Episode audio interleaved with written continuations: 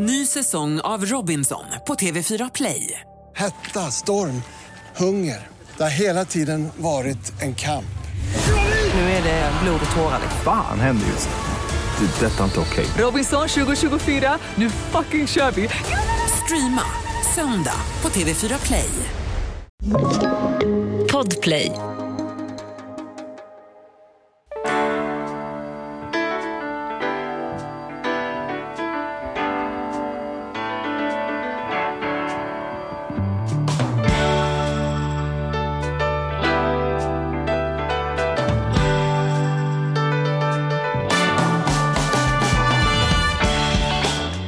Och varmt välkomna denna alla hjärtans dag till Charlie och Mattias podd som heter Ekonomi på riktigt. Kärleksspecial. Kärleksspecial och det är också väldigt special för mig därför att min son fyller år Ja. just denna dag. Och, Shoutout, grattis Hugo. ja, och han var ju på väg ett par dagar tidigare. Sen så var det en enormt lång förlossning på 72 timmar. Det måste varit jobbigt för dig. Ja, det var hemskt. Ja. Det var jobbigt för mig ska jag tala om. Det var Det är faktiskt klart. det. Att Det är inte, klart. Det är att inte klart det sova på var. 72. Nej. Ja. Mm. Liksom, Det är klart att det var jävligt mycket tuffare för Malin. Gick du ut och, och käkade något? Nej, Under jag, jag tiden? var, det var bara töcken. Jag minns ihåg. vad Jag som kommer ihåg att jag gick ut och tog en pizza för att jag fick Ja. order om det. Nu är det lugnt en stund, gå ut och käka. Ja. Och då tog jag en, en pepperoni-pizza och kom tillbaka och luktade korv. Jag- man jag med lustgasen så känner man väldigt mycket extra doft. Så att Ja, lustgasen blev provar jag. väldigt arg på att jag luktade korv under förlossningen. Testade du lustgasen? Nej, jag gjorde inte det. Nej, det gjorde jag. Vi Ja. hade, vi hade ju gott om tid kan man säga. Ja, du hade lite att göra där. Jag hade mycket folk Ja. att prata med. För Kunna folk kom och gick, vinkade, gick in och födde barn. Och sen så vinkade de igen, gick ut. Lycka till, sa de. Eh, så. Nej, men, men, och då var det så häftigt för då var det den trettonde. Och sen så kom jag på där, någonstans innan midnatt. Att fan, för då visste vi, för då hade läkaren sagt så här, snart blir det akut kejsarsnitt. Ja, Och då kom jag ju på här, ja men det, ändå, det kommer ändå bli den fjortonde. ja. Det Alla var inte som att du gick till läkaren och sa så här, du, eh, här är en tusenlapp om du Ja, väntar 20 nej, minuter till. Nej, det gjorde jag inte. Nej. Nej. Ja, är det bra med dig. Charlie? Du, det är bra med dig. Jag ska berätta i kärlekens tecken Ja. att jag har en väldigt gammal fåtölj hemma från någon gång slutet på 1800-talet, början på 1900-talet. Mm. ja, den kommer jag ihåg. som är från min morfars föräldrahem och han hade den när han och min mamma bodde ihop därför min mamma bodde bara hos morfar. Och då hade hon den fåtöljen som en sån gammal liksom, ja, pälsfåtölj och klev på armstödet för att komma upp i våningssängen där hon sov, för de bodde litet. Så den var, när jag fick överta den så var den skavd på ena armstödet från min mammas fot som har gått upp på den alltid i alla år. Så det var jättefint. Och sen så fick jag en, i present att klä om den där fåtöljen när jag eh, eh, gifte mig. Så att nu är det liksom annat fodral på den och sådana saker. Men problemet med den här fåtöljen, om man nu kan prata om problem, det är ju att under dynan, i där fjädrarna och det sitter där nere, då, så är det saker kan liksom, om det kommer ner under dynan, kan det försvinna ner nästan halvvägs ner i fåtöljen.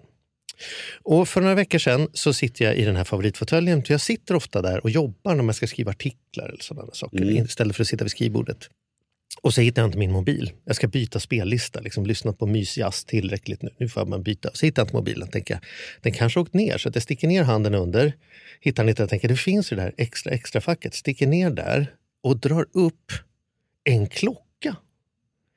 Och det är, inte, det, är som, det är en rejäl klocka, en tung, jag känner att det är en tung klocka. Och den här fåtöljen har ju varit i min familj då, liksom i 120-130 år. Så jag vet ju att det är inte så, så att den kommer från en annan. Någon i det här huset har suttit här, tappat klockan ner. Så jag börjar ju räkna bakåt. Vet du. Jag hör av mig till de som var på 13 dagen. Nej, de hade inte tappat någon klocka. Jag hör av mig till de som var på nyår. Alla nyårsgästerna var ingen som har tappat klocka. Mellandagsgästerna, ingen som har tappat klocka. Jul, ingen som har tappat klocka. Eh, jag jobbar mig bakåt. Och för varje person så får jag också tillbaka sådär, eh, nej, det önskar man ju att det var. Det där är en jävla klocka. Det önskar man att man någon gång i livet hade råd att tappa en sån klocka. Låter. Och du vet, jag kommer tillbaka hela vägen till juni någonstans. Fortfarande inte hittat någon som har varit hemma. Det har hört av mig till alla som har varit hemma hos mig. Fram till juni, det är liksom halvår bakåt. Och sen så går jag och lägger mig. Liksom tänker så här, några har inte svarat ännu. Det, det, det här kommer att lösa sig. Och så skickar du ut någonting till mig. Så här, du, eh, den här poddgästen, liksom, så här, kommer det funka tror du om vi frågar sådär? Då? Och så säger ah, men det blir skitbra. Du förresten, du, du saknar inte en klocka? Och du svarar, vad fan säger du? jag har letat som en to- skicka en bild. Och så skickar jag bild på bam, bam, Åh. bam, Åh, den här. åh. Åh, min fina klocka. Hur, hur, kan du berätta en historia nu från ditt håll Mattias? Hur gick det till när du lämnade en klocka för, för ja, kanske 50 papp i alla fall? Nej då, nej för fan den är inte, faktiskt inte så dyr. Okej. Den, den ser dyr ut. Men nej men alltså den här är lite glapp i, i spännet. Och så, då kan jag sitta ibland och flippra med den här. Bara för att det är ett glapp i spännet så är den lite så här. Och då sitter jag med den. Och uppenbarligen så måste jag ju då ha suttit där och fli- flipprat. Ja. Hemma hos Jenny var på middag. För det som är lustigt är att jag har alltså ringt runt. För jag har aldrig, peppar peppar, jag har aldrig tappat bort något i hela mitt liv. Som har varit något viktigt för mig i alla fall. Så att jag har ju till exempel ringt upp hit på Bauer Media som har gått runt och tittat. Jag har, jag har ju liksom ringt runt och kollat. Så här. Jag har letat i torpet i varenda jävla låda i, var, i sängen, i madrassen. I hissen i hallen. Ja, men jag har också känt att det kommer att ordna sig. För att jag Det är vet typiskt dig också. Du är så cool. Ja. Bara, Nej, den kommer tillbaka. Ja, den men sen, kommer tillbaka. så jag fick ju som en chock. Jag skrev ju sen efter fem minuter igen. Att bara, t- så här, fan vad glad jag blev. Du har så- sett typ hjärtklappning. Ja, jag brukar aldrig skicka emojis, men då, jag, tror, jag tror jag skickar tre hjärtan eller något sånt där. Faktiskt. Ja, fan vad härligt. Nu är den tillbaka. Ja jädrar. Tack Charlie. Jag ska inte lägga ifrån mig den igen. Apropå saker man älskar. Ja, Ja. det känns fint. Nåväl. Men, älskar alla hjärtans dag. Så måste vi komma in på våran eminenta gäst. Mm. Kan inte du göra ett kärleksfullt sånt cirkusdirektörs... Ja, men jag kan bara, nej, men jag, det behövs, alltså, vi kommer få så mycket kärlek. Ja. Tror jag. Mm. Jag känner ju inte Frida. Nej. Men, men varmt välkommen Frida Kummerfelt!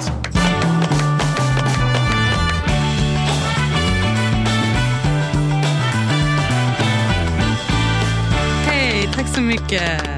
Du är här, jag sa det faktiskt precis när du kom. Mm. Därför att min fru brukar ge bra tips på gäster i podden. Ja, alla får. Man behöver inte vara gift med Mattias. Man Nej, kan man- höra av sig på kan få charlie gäster och ändå. mattias.gmail.com. Men min fru Mm. eh, tycker jag kommer alldeles för sällan med tips. Men hon har kanske kommit med åtta tips. Ja, åtta sen vi började på på 350 300, ja. avsnitt. Mm. Och sen här för inte så länge sedan så sa hon, nu vet jag vem jag tycker ni ska bjuda in till podden. Och det är Frida. Hon är så jävla grym Mm. och cool. så jag bara, absolut. Så att våran eminenta Emilia som hjälper oss med bokningarna högg tag i det här direkt. Apropå att skicka lite kärlek. Ja, Kärlek till Emilia. kärlek till Emilia. Ja, våran. Emilia som är helt Hon grym. hörs ju inte i den här podden men hon är lika stor del av den som Ja, du och jag hon är. kommer att komma, hon kommer att Ja, vara med här. Vi, ja, just jag det. vet, det är oklart om hon vill, men hon kommer inte ha någon val. Ja, då måste vi nämna Jessica och Oskar när vi håller på att skicka kärlek. Ja, ja, här också. Men, Men mm. Frida, Ja. berätta nu. Varför säger min fru? ja, vad, Varför säger hon vad har? Malin kärrat ner sig i dig för? Vad tror du det handlar om? Jag tror att hon är en otroligt eh, bra människa. God eh, personkännedom. Och hon vet helt enkelt hur man liksom sållar agnen från vetet. Va? Nej, håller men. Det har hon ju visat Jag om och om igen. nej, men jag är ju influencer va? Mm. och driver ett eh, kroppspositivt eh, konto som är liksom väldigt eh, flärdfullt och snyggt men med mycket fokus på att leva sitt bästa liv, att inte vänta på en annan kropp, en annan tid, andra förutsättningar. Att mycket av det man längtar bort till, man längtar till en annan, en annan plats, en annan tid. Mycket av det man, de känslorna som man tror att man ska få när man längtar där borta, där då sen. De känslorna kan man få här och nu och det bidrar till så otroligt mycket mer livskvalitet. Och just i mitt konto så blir fokus då på vad som händer när man accepterar sig själv och sluter frid med sina inre demoner och sådär. Men kroppspositivt säger du. Mm. Vad betyder det? Det betyder att jag älskar mig själv oaktat hur min kropp ser ut. Alltså I mitt fall, jag är ju en tjock person och kroppspositivismen är ju sprungen ur tjocka personers behov och önskan och kamp att få bli accepterade, och inte vara så stigmatiserade, att eh, få lov att finnas utan blickar och konstigt bemötande eller dåligt bemötande. Men jag säger inte att jag är en plus size influencer därför att det jag pratar om med komplex och dålig självkänsla, det sitter inte i kilorna, det sitter i själen. Så kroppspositivism för mig är någonting som alla kan få ta del av oaktat hur deras liksom, kropp är byggd och vilken storlek de har. För um, självhat finns i, i tjocka och smala, men med det sagt så lever ju tjockare personer ett svårare liv i dagens samhälle än vad en normkropp eller en smal kropp gör. Ja, och det är väl i dubbel bemärkelse, tänker jag. Alltså, och då, när jag säger dubbel bemärkelse menar jag både mottagandet från andra människor och liksom ideal och hur det ska vara. Men också rent krasst kläder, alltså fysiska ting. Liksom. Och mycket anpassat efter någon trådsmal 14-åring som nästan Ja. är på ätstörningsgränsen. Exakt. Ja. Men och då ska jag säga så här, ja, och, och, men vet du vad hon sa som huvudskäl? För jag frågade henne när jag åkte hit idag. Tell me. Då sa hon så här att hon var så jävla impad hur du vågade ta steget att bli influencer. Jag tror hon sa att du var så här, ju, du, du är jurist, Ja. har fasta saker, allting väldigt tryggt. Och hur, då sa hon så här, hur vågade du? Vad menar hon med det? Jag lämnade en karriär som brottmålsadvokat Men för att det är advokat, influencer. då måste man säga advokat, och, Mm. eller jurist överhuvudtaget. Jag har ju fått förmånen att coacha väldigt många olika människor. Mm. Och jurister är ju de som, upplever jag, är bland de absolut svåraste grupperna att hjälpa att tänka utanför boxen. Mm. Därför att man är ju man har byggt hela sin karriär och därmed mycket av sin identitet på att veta exakt vad boxen är och hålla sig innanför boxen och vakta på att andra inte går utanför boxen. Boxen, boxen, boxen, boxen, boxen. Så att jag menar, man slutar som lärare eller man slutar som fotvårdsterapeut och, och, och blir influencer. Det kan ju till synes vara samma resa, men det är ju inte det. För har man verkligen levt i boxen omgiven av andra boxrar och då säger jag så här, ah, fuck this shit, jag ska, jag ska bli ett brand, jag ska, jag ska vara en ambassadör för självkärlek. Det är ju ett sjukt stort steg. Ju. Alltså, när jag Ja, må- många säger ju det. Att liksom, hur kan du göra det här klivet? Och vissa kommer från platsen av hur kan du slänga bort en sån karriär för det här andra? Medan andra är att de är så olika. Men för mig, klivet är inte så mentalt stort för mig. Därför att dels så jobbade jag alltså med humanjuridik, alltså man jobbar med människor. Det är mindre fyrkantigt än om man till exempel jobbar med business-sidan, upplever jag. Och sen så jobbar jag ju som advokat och det är ett ganska så kreativt yrke. Därför att man kan ju lagen kanske säger att A är rätt och B är fel. Och så har klienten gjort B, gjort fel. Men jag ska ändå hitta någonting som gör att vi kanske ändå kan få det till A. Så det är ett väldigt kreativt jobb. Och sen var jag på en arbetsplats där jag var väldigt fri att vara mig själv och klä mig som jag ville och, och sådär. Och mitt, min röda tråd genom hela livet, jag har ju velat bli advokat sedan jag var tio år. Det var just det här att jag ville jobba med kvinnor, jag ville jobba med den, den lilla människan, jag ville vara på den sida som inte hade någon. Lite, jag har alltid sållat mig till the underdog. Och nu på Instagram, även om det är flärdfullare paketering, så är det, den röda tråden finns ju kvar i att jag älskar att få inspirera kvinnor framför allt och, och få dem att bli lyckligare helt enkelt. Ehm, sen, så att jag, jag har hjälpt kvinnor fast på olika sätt bara. Hur Intressant. upplevde du innan, innan du tog steget? Till att börja med vill jag bara säga en sak som bara trillade förbi här. Kroppspositivism. Det är ju lika sjukt i huvudet egentligen som feminism. Att ens har ett ord för att beskriva att man har en hälsosam relation till sig själv. Som om det ska vara liksom no- normbrytande, att vi tycker om oss själva. Jag vill bara säga, bara så vi har det sagt.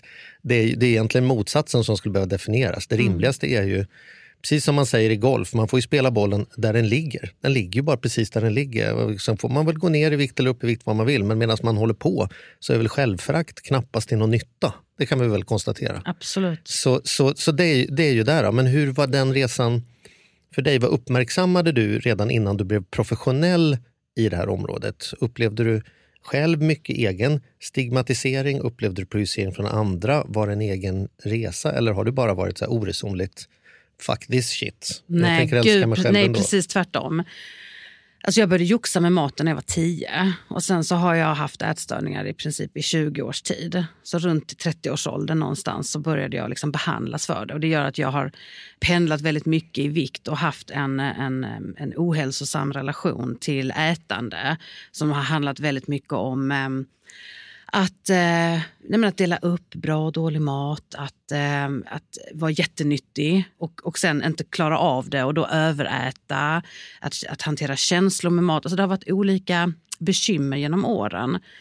Och sen i takt med att jag inte ville ha det så här mer så gav jag mig ut liksom på, en, en inre resa Mm. för att eh, nå en bättre plats. Där en stor inspiration var att, att jag blev gravid och så fick jag veta att jag skulle få en dotter. Och då kände jag bara oh my god, alltså, åh, en dotter, hon kommer liksom bli utsatt för den här kroppshetsen mycket tidigare än vad jag för att nu finns sociala medier på ett annat sätt. Jag kände sånt otroligt ansvar i att bryta, liksom breaking the circle och vara en väldigt liksom, bra förebild för henne.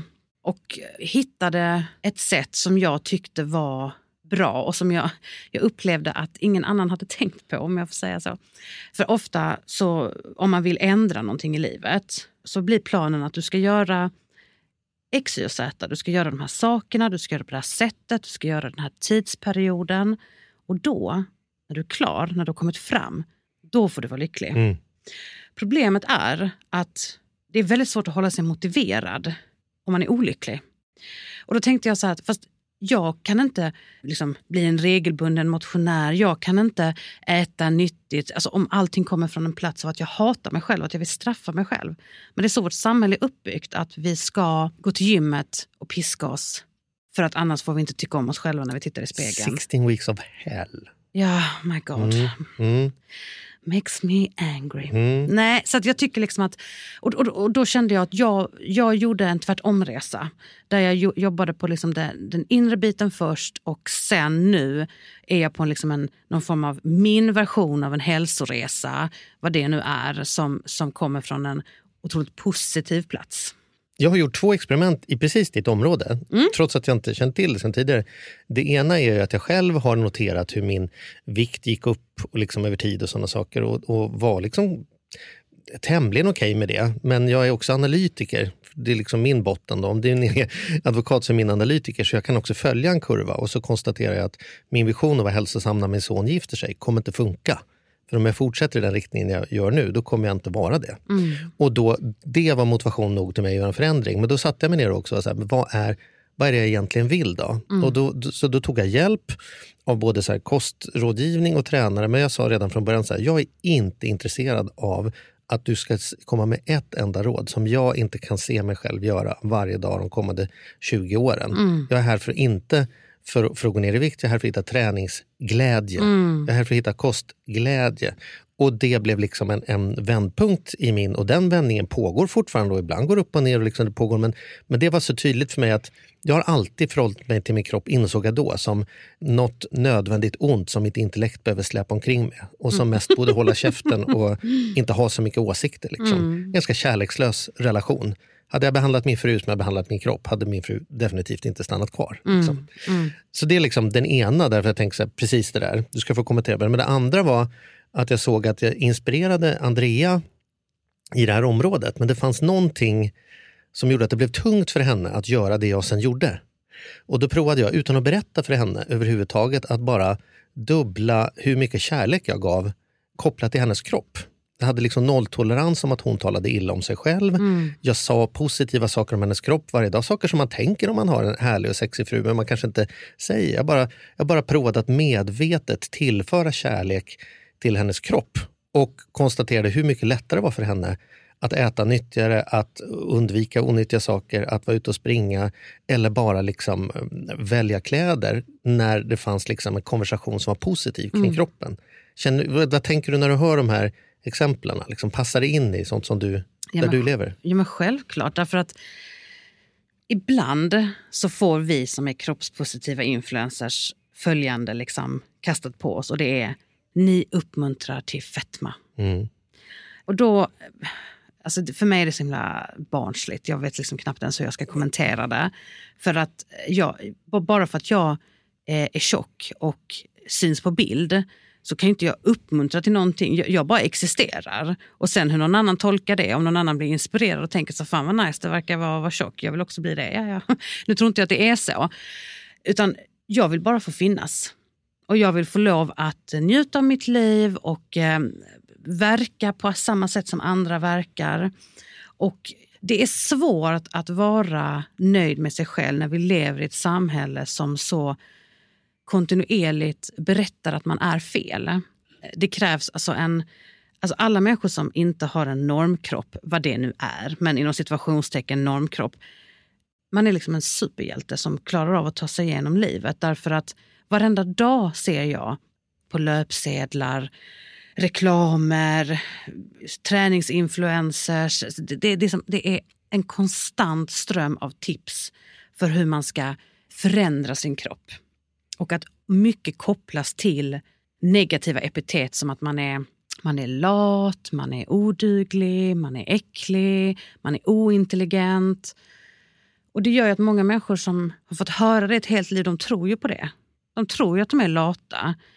Men det är de ju inte för att de går upp eh, tidigt och de går till jobbet och de är jätteduktiga på jobbet och de är toppenbra föräldrar och de orkar eh, skicka blommor till svärmor på namnsdag och de håller koll på julklapparna. Och, de är inte alls lata. Men det finns ett, ett inre krig i just det här området. Och jag tycker det är jättefint hur du uppmärksammade det här för din fru. Mm. Um, men magin sker ju när hon kan göra det till sig själv. Mm. Det är på något sätt det. va? Mm. Och, sen, och det kan man inte alltid göra. Det är klart, ingen är på topp alltid. Och det är ju jätteviktigt för mig i mina kanaler att säga till mina följare att det jag pratar om, det handlar inte om att man ska leva ett liv som är superduper lyckligt varje dag, livet ut. För att så funkar inte livet. Alltså livet är jättejobbigt. Livet är förfärligt. Ibland är det traumatiskt och skräckfyllt. Och ibland är livet alldeles, alldeles underbart. Men om man kan höja sin grundnivå, då, då står man ut med mot, vad säger man? motgångar enklare. Mm.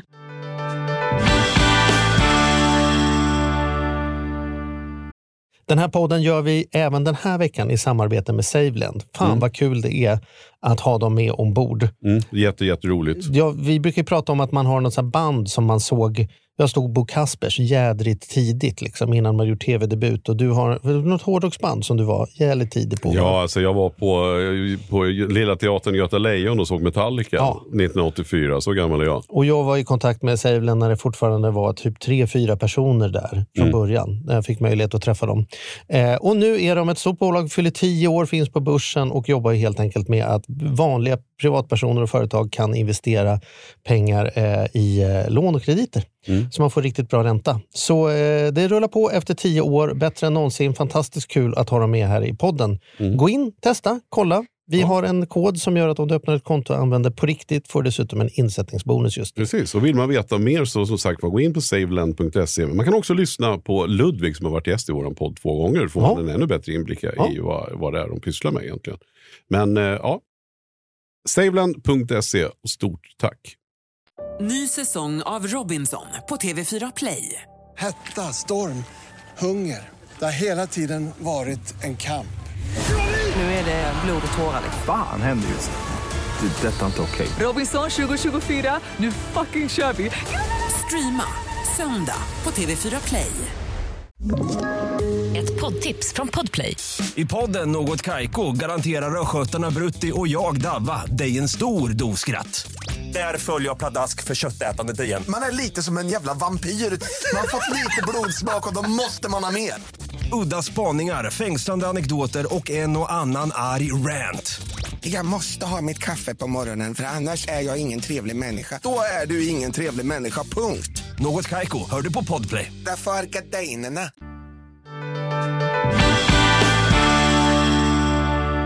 Jag tänker att om jag ska spela lite djävulens brottmålsadvokat här, mm, do it. så tänker jag att det är väldigt lätt att prata om att det är samhället som lägger på oss de här sakerna.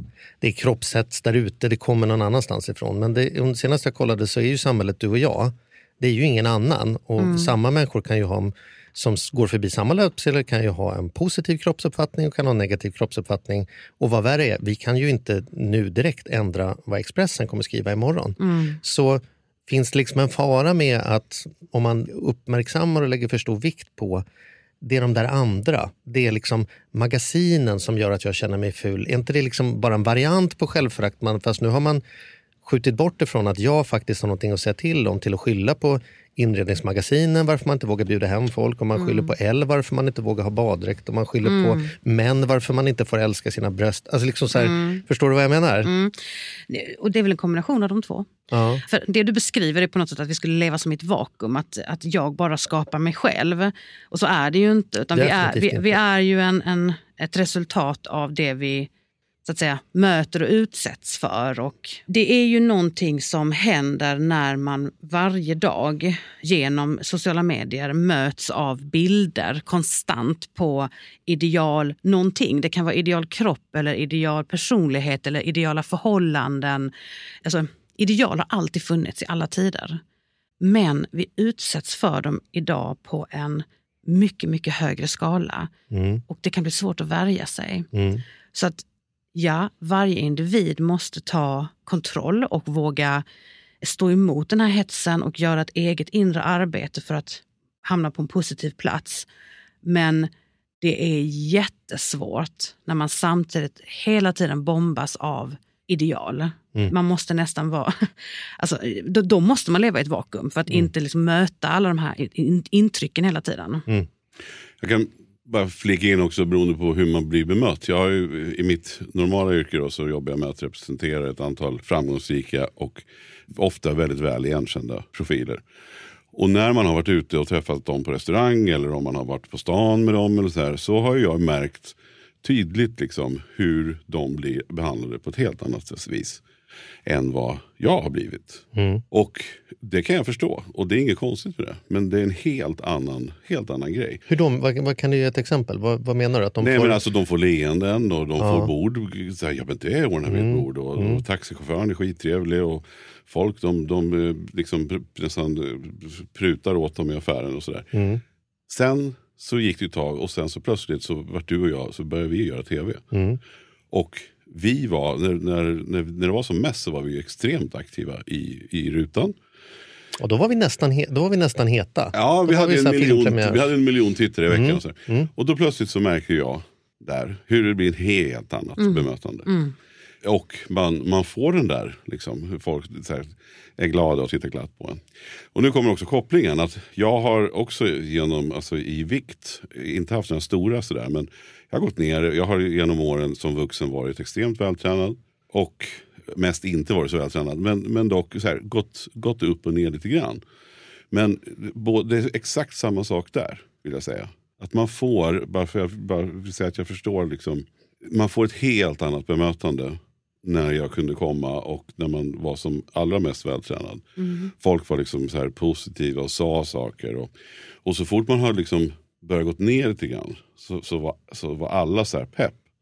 Åh, åh, fan du har losat vikt, fan vad snygg, oh, wow, bra. Sådär. Medan jag har känt när jag inte har gjort det, det vill säga när jag har gått upp i vikt. Då är det liksom bara som ett, så här, ingen säger någonting. Det är, liksom, det är bara lite tyst, lite märkligt. Och att man kan få lite så här snea blickar faktiskt. Och, Men- och, och just det här att det är både liksom, eh, och då pratar jag både om ett så här igenkänt, det är i och för sig fysiskt det också, men att hur folk liksom kopplar då till att man drar sina, liksom, hur man vill vara och bemöta folk. Och även då till när det kommer till kroppen. Så jag kan verkligen Vad tänker du när Mattias pratar? under. Nej men att, ja, det gör liksom ont i mig. Därför att det är helt sjukt att vi, att vi när någon har gått ner i vikt säger Gud vad du är duktig, wow vad inspirerande. Hur har du gjort? Jag, vill, jag önskar jag var som du. Och, och sen så får man dåligt samvete och sådär. Att, att, att gå ner i vikt är på något sätt den största bedriften i världen. Alltså, du, du kan liksom flyga till månen, du kan vara skitgrym förälder, du kan ha asbra betyg, jättebra karriär. Det är jättebra. Men om du går ner i vikt, om du gör en viktresa, oh my god, då är du liksom the champion. Vilket för mig är helt sjukt därför att kroppen förändras. Och det är, som kvinna utsätts ju kroppen för mycket mer påfrestningar än för en man. Där våra hormoner spelar jättestor roll, och med graviditeter och mens och eh, vad heter det, menopaus. Vad heter det? Mm. Klimakteriet. Klimakteriet, alla Mm. såna grejer. Mm. Så att för det första, jag tycker det är helt sjukt det här att ge, ge någon komplimang när de har gått ner i vikt. Eh, För att det i sig är inte... Det är så jäkla känsligt att, att kommentera på det. En, en, en, en aspekt till, om jag bara får hoppa in Mm. här. Så, så tänker jag också just det här med, det är klart att det finns en gräns där det inte är hälsosamt. Alltså någonstans går ju den gränsen. Fan vet jag, och jag vet inte vem som vet var den gränsen exakt går. Det sitter ju inte bara i hur man ser ut. Det har ju också att göra med hur mycket socker eller hur mycket, vad det nu är när man förgiftar kroppen. Ja, ja, men klart stroke-risk och sånt ökar, men det beror ju oftast risk på ja. fett mellan man kan vara smal och röka och man kan vara, Ja, vara. Mm. tjock och inte och så vidare. Men den stressen tror jag. Alltså på tal om vad som är nyttigt eller inte. Alltså att leva hela tiden, visst, så här, ja, skitsnygg, men att leva i den här stressen med den här kroppsidealen. Mm.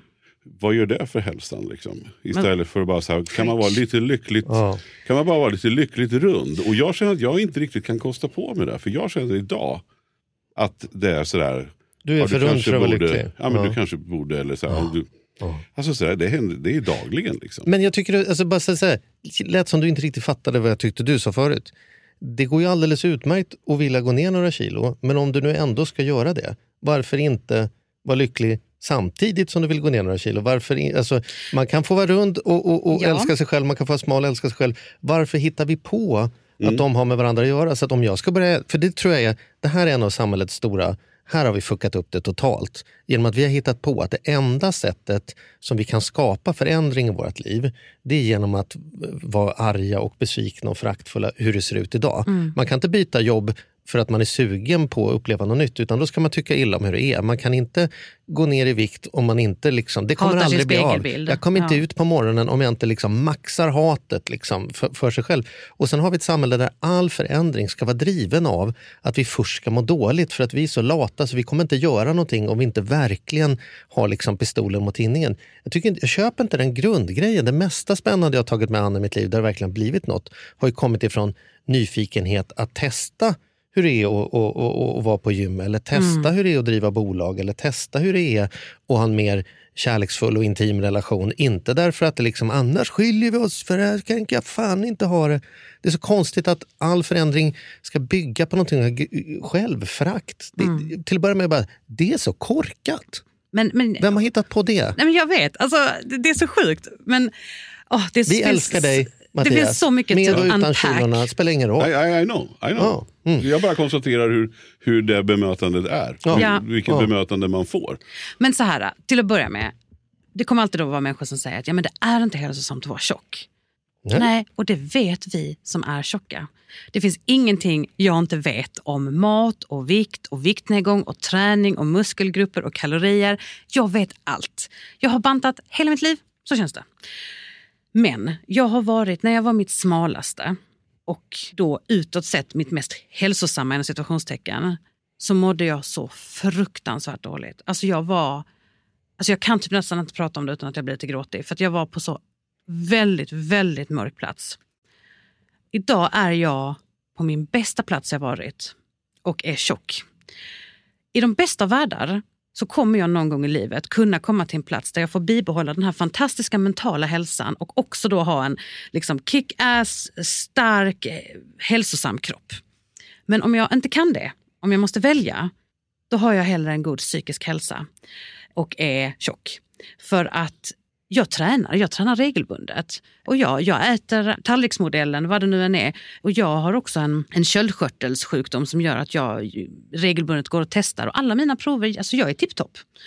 Sen vet jag att det finns risker med övervikt, men den, precis som du sa, stressen och den mentala ohälsan som kommer av att jaga en, en annan kropp, att vara rädd för mat, att tacka nej till sociala saker för att man är rädd för att äta, att alltid leva i ett kompensatoriskt beteende. Att om jag äter detta, då måste jag springa så här länge. Alltså det här är ett, får man svära? Det här är ett fucking fängelse. Mm. Det är ett fucking fängelse. Så att, nej, i de bästa av världar kan man ha båda. Men, men går inte det, oh my god, tjock och glad. Alltså, fat and happy. Det är the way to go. Jag tänker Mm. att jag har utsatts av, av eh, precis motsatsen faktiskt. Det du beskriver känner jag igen från tvärtom. Att jag gick upp i vikt och gick upp i, och gick upp i, vikt och sen så kom jag till det här liksom, jag tog mig an att bli kompis med min kropp och partnerskap och började lyssna vad den ville ha och då fick det liksom effekter på vikten. Men då kom det till en punkt och sen var det många människor runt omkring mig som genuint kände att de behövde berätta för mig att Ja, men hur, oj, hur har du gjort då? Så, här, ja, men jag kör periodisk fasta. Så här, så här, men det är inte bra att äta för lite heller. Du vet, tänk nu på att du... Det, så här, och det blev också lite så här, åt andra hållet. Så här, var var du någonstans? Liksom, som var helt ointresserad av att liksom prata om de här frågorna när jag blev tjockare och tjockare. Och nu när jag blev smalare och smalare, nu är du väldigt engagerad i att jag borde äta mer. Eller det, jag såg en artikel en gång som berättade att det där funkar inte utan frukost. Vad fan det var. Och då tänker jag så här, det handlar ju inte om mig överhuvudtaget utan det handlar om i sin eget självförakt så måste man skjuta ner mig. För att om det är så där lätt som jag säger att det är, liksom så, här, så här lätt har det varit för mig. Då, då blir det liksom ett hån i ansiktet i en redan destruktiv miljö. Och det som är roligt också när jag har berättat hur jag har gjort så har jag aldrig någonsin hållit några föreläsningar, några kurser eller någonting sånt. Men när någon har frågat, så, "Jaha, men hur gör du då? Ja, men då har jag berättat hur jag gör. Då kan människor inte ta emot den informationen utan svaret är alltid, jaha, så du säger att man inte ska och så, Nej, men jag har inte sagt ett ord om vad man ska och inte ska. Du, du frågade mig vad jag gör. Ja, men så det är bättre då att inte göra det. Utan man ska göra så här. Och så här. I don't know. Du frågade mig och jag bara berättade vad jag har gjort. Alltså, Vi är så snabbt i vad är rätt att göra, vad är fel att göra. Och du borde inte och han borde inte och jag borde inte och det går minsann inte. Så Men- jävla strängt liksom. Men då vill jag bara flika in här då, som jag är än mer nyfiken på, eller som är väldigt roligt då. Det är just den här frågan som Malin hade. Hur du vågade, rent ekonomiskt. Hur, hur, och hur funkar det liksom? För jobbar man som försvarsadvokat så har man i alla fall ingen dålig lön. Man kan ju ha olika bra lön förstås. Men du, man går, ja, du går ju ändå från ett välbetalt arbete. Ingen som går på soc och är Till att så här, brottmålsadvokat. jag slutar och blir influencer. Det är ju ganska stor innan man får samarbeten och innan man lär sig de här grejerna. Jag förstår att du har varit duktig på att förhandla, eller uppenbarligen du kan ju avtalsfrågan. Men, men hur, hur vågar man och hur, hur går det nu? Liksom? Hur, drar du in lika mycket pengar? Ja, mer. Wow. Så, att, eh, så här, jag är väldigt liksom, trygghetsperson och eh, att bara kasta mig ut är väldigt olikt mig. But I was motherfucking desperate. Alltså jag ville bara bort. Alltså, ah, det var panik. Och sen så hade vi liksom sparpengar och jag pratade med min man. Och liksom, jag, om jag ber om ett halvårs tjänstledigt då kan vi använda de här pengarna. Och, och flyger det inte så får jag gå tillbaka till jobbet och sådär. Och för bara för, du, för bara så här, du, bor i, du bor i Skanör va? Ja, precis. Alltså i, i villa. Ja, Så att det är ganska bra, vad ska jag säga, grundbra liksom då. När du ändå ni har byggt upp någonting. Och ja men vi har ett good life. Du hade ett stadigt, eh, stadig ekonomi. Ja, liksom. precis. Mm. Men så kommer min man, oh my god, och säger så här... ehm, alltså jag ska börja plugga. Så jag tänkte att det skulle vara ganska så lätt, alltså smooth för mig att... Lever eh, vi på hans lön? Liksom? Ja, skulle vi, alltså vi skulle ha hans lön och så skulle vi ha de här sparpengarna och så skulle vi ha kanske det lilla jag drog in. Vad gör man inte för sin kärlek? Så han började plugga och sen så gick det kanske ett år till där jag var kvar på jobbet. Men, men, nej, men sen hade vi de här sparpengarna och sen så, då visste vi att nu har vi liksom inkomst för, eller sparpengar för, för att försörja oss ett halvår. Och då tog jag tjänstledigt och sen när det här halvåret började närma sig sitt slut så var sparpengarna inte slut. Och då sa jag så här att ja, men då ber jag om ett halvårs tjänstledigt till. Och då gick det halvåret och då kände jag så här, fan det gick ändå ganska bra. Bättre än förväntat. Det kan ju inte gå sämre. Så jag liksom tog klivet och så upp mig. Och, nej, men det, går, det går jättebra. Så att, um, det har varit liksom ekonomiskt odramatiskt på det sättet. Våra sparkonton är inte vad de en gång var. Men jag tänker att det är också bara tillfälligt tills min man är färdigpluggad. Sen så går vi tillbaka till liksom det vanliga. Men det är ju stressigt att vara försörjare. Men det blir ju också en blåslampa i rumpan.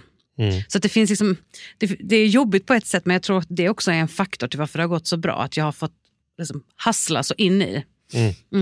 Kä- Jag, jag tänker att det finns en parallell här då, med risk för att den är sökt, när det gäller pengar. Att det finns också mycket skuld och skam för den som inte kan pengar, som inte har något aktiesparkonto och grejer. Och sen så står vi, vi som är vältränade då, då i andra ändan och gör tipslistor på är jättelätt att börja, logga in på dinpension.se men man hör inte för man har så mycket självförakt kring det kommer inte gå, man kanske förlorar pengarna, ändå ingenting att spara och liksom så att göra en budget, herregud, jag vet ju fan knappt den här må alltså så här, att det finns, det finns liksom någon typ av liksom penga tjock Gud, smal Alltså pengar är så stigmatiserande mycket, också. Ja. Absolut.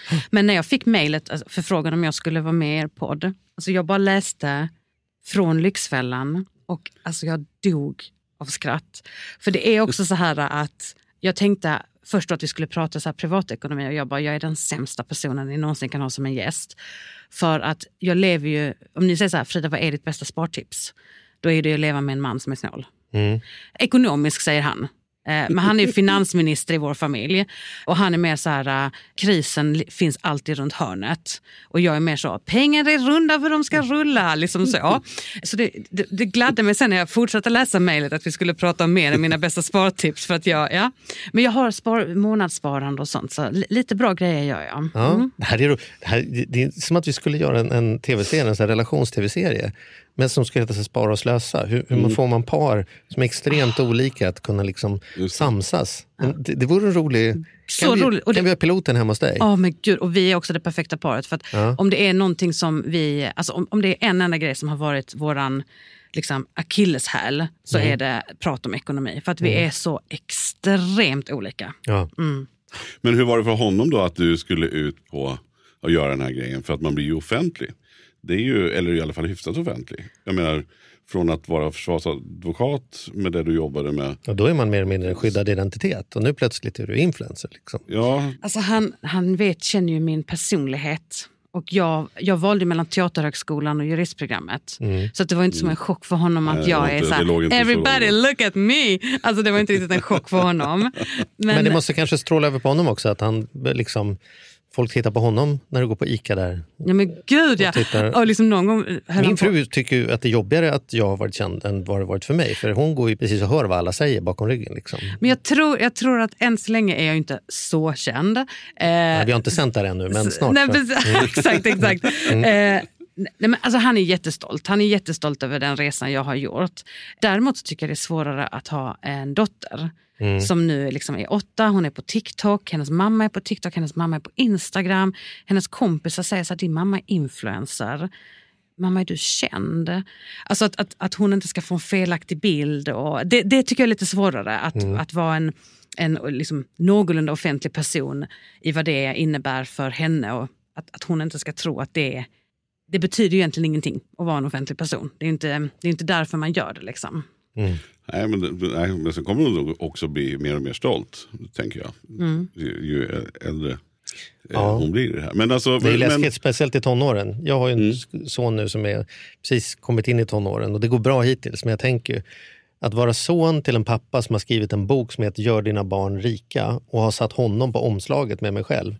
Alltså hans, du fattar ju hur hans tonårsrevolt kommer se ut. Han kommer ju aldrig göra Hans en budget. pengar kommer han vara kommer runda bara och rulla. överklassera bara fuck it, han ska visa min farsa att jag minsann inte har lärt mig ett skit. Mm. Så det, vi får se, du kanske får, får liksom, hon driver motkonto där och säger så. Eller så blir hon, så, eller så blir hon så här nunna och går in i en Ja, sån ja, silent kloster. Ja, liksom, och sånt, ja. Man brukar Men- hitta något sätt att fucka upp sina men kommer du fortsätta nu då? Alltså, Ja. Är det här? Känner du att du liksom har hittat rätt? Du, Ja. du kommer vara influencer nu? Ja. Nej, men, influencer med mera. Ja. Alltså, jag vill ju allt.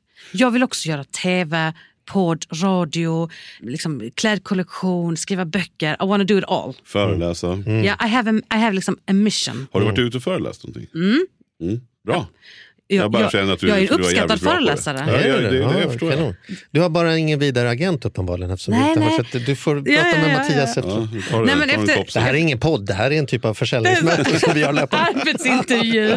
Nej, men efter tio år i, i rätten så blir man ju slängd i käften. Så är det ju. Mm. Ja. Ja, ja. ja, men härligt. Du, vi, det, det- apropå slängd i käften, vi skulle kunna fortsätta en timme till. Ja, Men vi ska väl unna var och en att ge sig ut och eh, hitta sin egen kärlek, både till sig själv och nära och kära i denna alla hjärtans dag-yra. jag Eh. tror också varför jag träffade min fru. För hon har rätt mycket kloka idéer och Ja, åsikter. hon har ju och jag det. måste säga det. Det var jädra häftigt att träffa dig. Man blir ju galet inspirerad alltså. Mm. Vad fina ni är. Tack så jättemycket. Tack så mycket för att du ville komma. Och tack för att ni ville ha mig här. Glada alla hjärtans dag.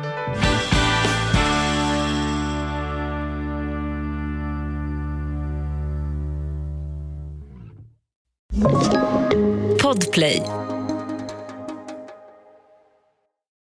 Ny säsong av Robinson på TV4 Play. Hetta, storm, hunger. Det har hela tiden varit en kamp. Nu är det blod och tårar. Fan händer just nu. Det. är Detta är inte okej. Robinson 2024, nu fucking kör vi! Streama söndag på TV4 Play.